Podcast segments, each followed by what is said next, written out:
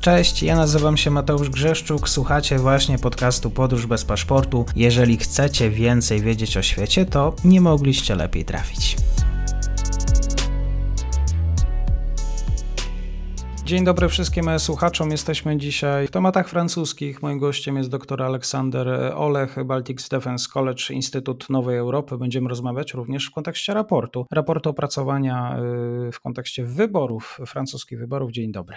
Dzień dobry, kłaniam się nisko. Przed naszym spotkaniem powiedziałeś mi, że Polakom raczej y, te francuskie wybory nie leżą, nie bardzo się nimi interesujemy, a chyba powinniśmy. W związku z tym też, że o sytuacji bezpieczeństwa w Europie, sytuacji na wschodzie mówimy bardzo dużo. Jest i aktywność prezydenta Macrona, mamy i e, też e, nastawienie właściwie francuskie, lekko zmodyfikowane właściwie do współpracy z Polską. E, będziemy dzisiaj, poproszę Cię o komentarz wyborczy w kontekście tego, co się dzieje pomiędzy poszczególnymi sztabami. Czy poszczególni kandydaci dyskutują na, tym, na ten temat, jak Francja ma być aktywna na tej arenie międzynarodowej na różnych kontynentach? Czy tutaj kandydaci koncentrują się na tym, jak, jak, jaka jest ta francuska wizja bezpieczeństwa? Bezpieczeństwa? Z naszej perspektywy to bezpieczeństwo było najważniejsze dla Francuzów w ostatnich tygodniach. Emmanuel Macron musi naciskać na sytuację na kontynencie europejskim, dlatego że wcześniej był bardzo mocno zaangażowany, czy to w Afryce, czy na Bliskim Wschodzie. I teraz dla niego kluczowe jest to, żeby przekonać Francuzów, że to Francja jest najważniejsza i pozostali kandydaci podkreślali, że Macron jest zbyt mocno skoncentrowany na tych kwestiach zagranicznych, za mało na obywatelach Francji. On teraz się odwraca właśnie w stronę Francuzów buduje ten PR taki troszeczkę jak Zełenski, czyli tutaj ten e, zmęczony człowiek, który walczy o ten dobrobyt e, Francuzów. Na agendzie oczywiście na pierwszym miejscu wyzwania w kraju, czyli te kwestie migracji, cen energii, sytuacji postpandemicznej, no i oczywiście wojny na Ukrainie o ile Macron mógł jeszcze do pewnego czasu gdzieś e, wygrywać w tej kwestii, że on prowadzi dialog z Władimirem Putinem, no to teraz niestety już coraz bardziej traci te punkty procentowe, gdyż ten dialog jest nieskuteczny. A przez to Macron znowu się zwraca i to informuje, że on Francuzom zapewni dobrobyt choćby w kwestiach energetycznych, że Francja będzie obecna militarnie na całym świecie, że on tutaj ma rozwiązania dla małych przedsiębiorstw. To są jego narzędzia, które on musi teraz wykorzystywać, dlatego że za długo był poza Francją, podróżował, znikał Mm, a pozostali kandydaci koncentrowali się na kwestiach e, wewnętrznych. I teraz tak, Ukraina, o ile jest dobrym przykładem na to, w jakim mocarstwem Francja może być, to faktycznie Francja nie może sobie pozwolić w żadnym względzie na otwarte działania, czy to sankcyjne, czy militarne samodzielnie, gdyż musi podążać tym takim ponadnarodowym nurtem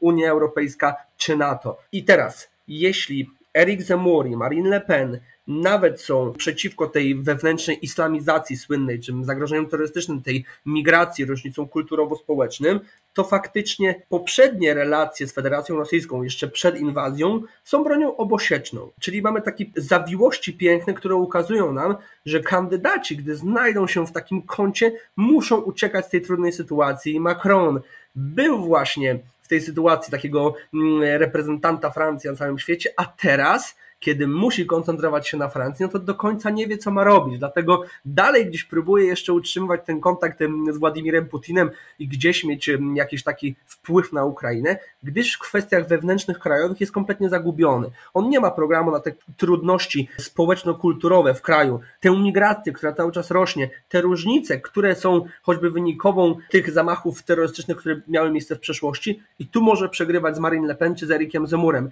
Valerie Pécresse, która jest moją kandydatą kandydatką, jeśli chodzi o jej skrupulatny, długookresowy, a także taki szeroko zakrojony program, no niestety ma ogromnego pecha, dlatego że gdy była na takim topie, no to tutaj inwazja na Ukrainę. Za chwilę, kiedy miała kolejne kluczowe wiece w największych miastach, COVID-19, więc ona niestety traci te punkty procentowe, a mogłaby przejąć, że tak powiem, elektorat Emmanuela Macrona. Więc Ukraina jest dla wszystkich problemem z tych kandydatów i teraz to będzie kluczowe. Jeśli inwazja będzie trwała jeszcze minimum 8 dni, to teraz ostatnie 7 dni będzie kluczowe, jak to kandydaci wykorzystają. Macron stara się być tym, który prowadzi dialog, a Zemur i Marine Le Pen podkreślają, że Ukraina nie jest dla nas ważna. Skupmy się na obywatelach Francji, tu będą zyskiwali punkty procentowe, bo dla Francuzów to Francja jest najważniejsza, gdyż oni głosują na swój kraj i koncentrując się na tym, co jest tu, a nie w Europie Wschodniej. Zamur miał za zadanie, tak przynajmniej sobie postawił, że i tu cytuję, chce zmyć zniewagi prawicy.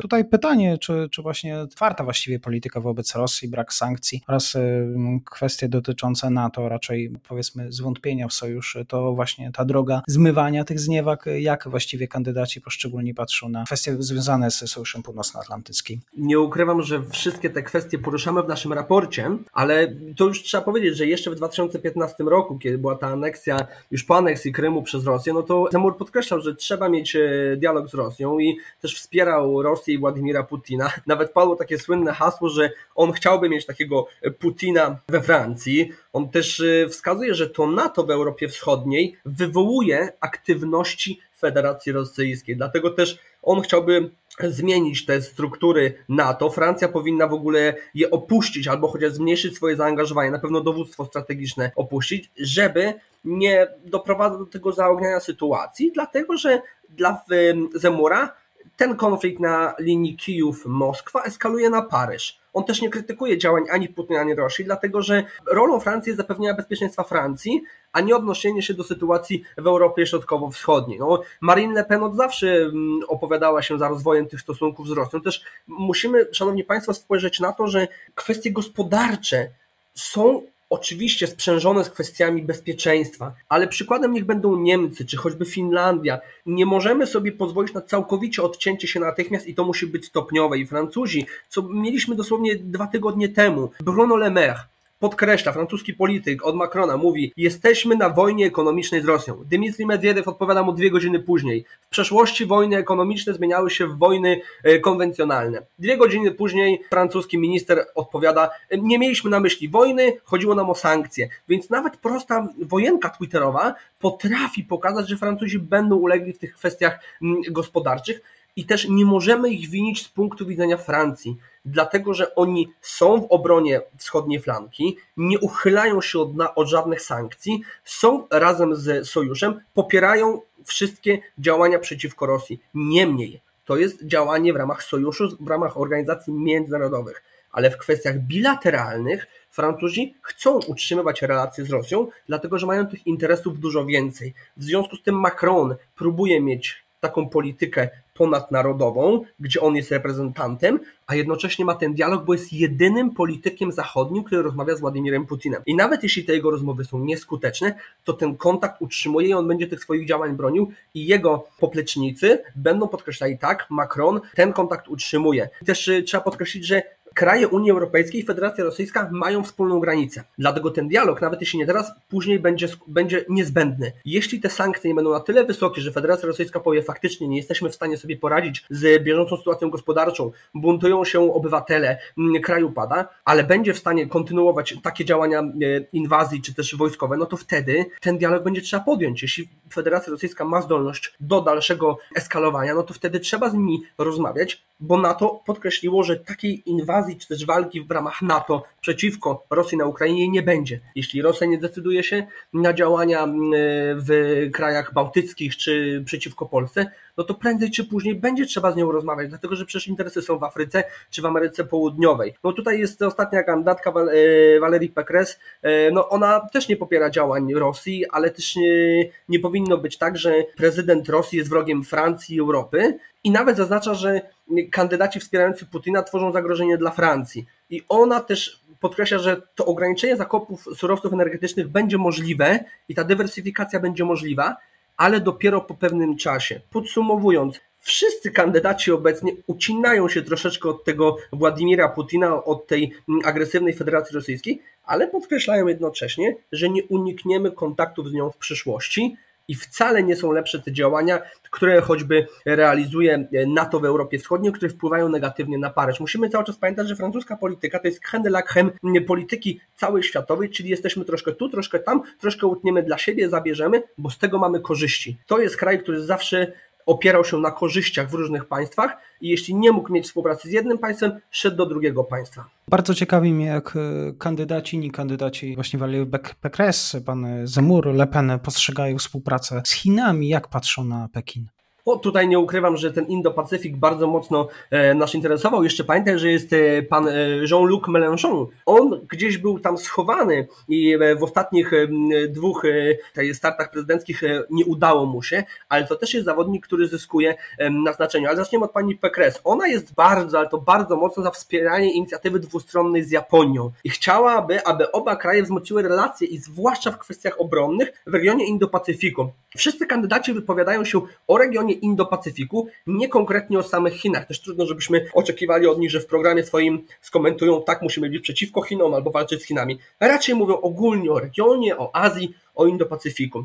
Też jest kwestia oczywiście tego, że mamy tam Nową Kaledonię i tutaj te więzi formalne z Francją metropolitarną oznaczają, że Francja będzie mogła sobie w tej Nowej Kaledonii zapewniać stałą obecność, a także będzie mogła operować militarnie. Valérie Pécresse dodaje, że rywalizacja chińsko-amerykańska to też spory dla Francji. To oznacza, że Francja, która się angażuje po jednej ze stron, będzie na tym traciła, bo ona, Valerii postrzega to jako strefę wpływów Ameryki i Chin, i Francja, o ile może na tym zyskać, tak naprawdę musi się koncentrować na kwestiach obronnych, czyli to zaangażowanie powinno być mniejsze i trzeba na pewno ograniczać zdolności Chin do ich rozwoju i tu podkreśliła jako jedyna, że może to być supermocarstwo gospodarcze i militarne, czyli ona dostrzega to, że ten Indo-Pacyfik to jest też szansa dla Chin, żeby się rozwijać na cały świat. I Chiny najpierw pokazują zdolności gospodarcze, a teraz jeszcze zdolności e, militarne. Marine Le Pen wykorzystała ten Indo-Pacyfik czy Chiny do podkreślenia oczywiście porażki Macrona w słynnej sprawie AUKUS, o której rozmawialiśmy.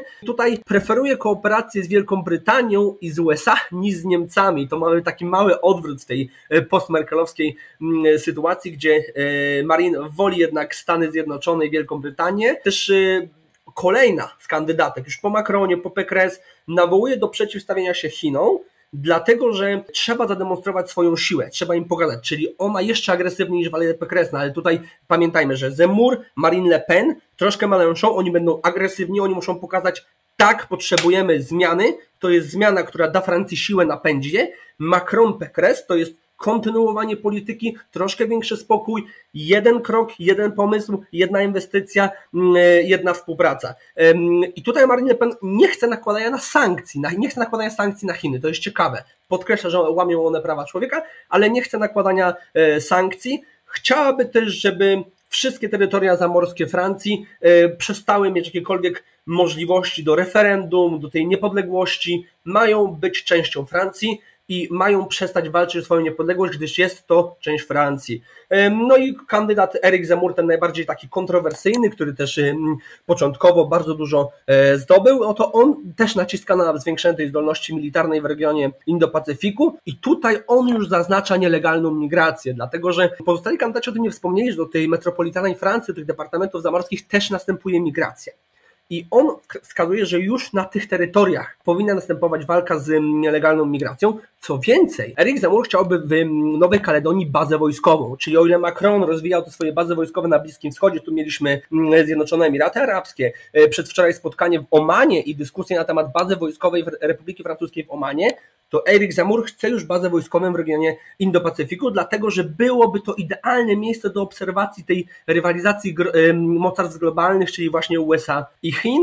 I tutaj trzeba podkreślić, że chce on przeprowadzić reformy, które położą kres wszystkim ruchom niepodległościowym czyli podobnie jak Marine Le Pen. No i ostatni kandydat, o którym wspomniałem na początku, do niego nie wróciliśmy, czyli pan Jean-Luc Mélenchon. On podkreśla, że te wszystkie terytoria w regionie Indo-Pacyfiku to jest bardzo mocne, ale to są terytoria porzucone, terytoria drugiej kategorii, nawet użyło określenia plac zabaw dla dużych, bezużytecznych projektów. E, dlatego on promuje bardziej zaangażowanie na rzecz współpracy projektów gospodarczych i budowy takiej polityki partnerstw regionalnych, czyli mniej, mniej takiej militarnej obecności, tylko właśnie gospodarczej tych zysków dla Francji, co ciekawe, on też podkreśla, że współpracujące Chiny i Rosja nie stanowią zagrożenia dla Francji i tutaj można się z nim częściowo zgodzić, że nawet w tym regionie, czy nawet ten import surowców, który miałby być przekierowany częściowo z Francji, częściowo z Francji do Rosji, to nie byłoby zagrożenie, gdyż to właśnie Francuzi choćby napędzają e, właśnie tę gospodarkę w Rosji, a nie odwrotnie. On też nie podkreśla, Mélenchon nie podkreśla też, że e, ta rywalizacja z Chinami to jest coś kluczowego dla Francji, to jest raczej coś, co służy interesom USA i to one chcą utrzymać swoją supremację i to Francja musi przestać być takim pośrednikiem w tych relacjach Chiny-USA, tylko koncentrować się na własnej pozycji. Wybory prezydenckie w Republice Francuskiej z perspektywy bezpieczeństwa. Tutaj autorzy Instytutu Nowej Europy przeanalizowali sylwetki kandydatów na stanowisko właśnie prezydenta Francji w tym roku.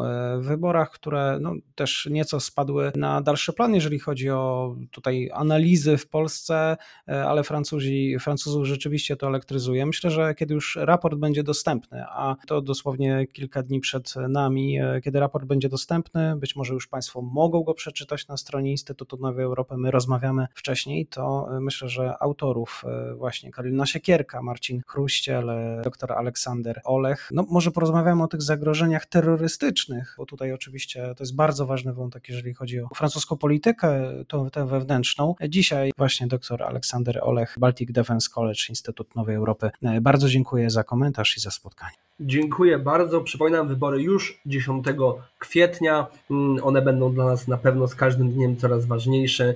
Bardzo cieszę, że po raz kolejny mogłem się podzielić swoimi przemyśleniami. I to już koniec na dzisiaj. Zapraszam na profil podcastu Podróż bez paszportu na Facebooku, Instagramie i Twitterze. Zachęcam też do wsparcia mojej pracy na serwisie Patronite oraz Buy Coffee. Do usłyszenia.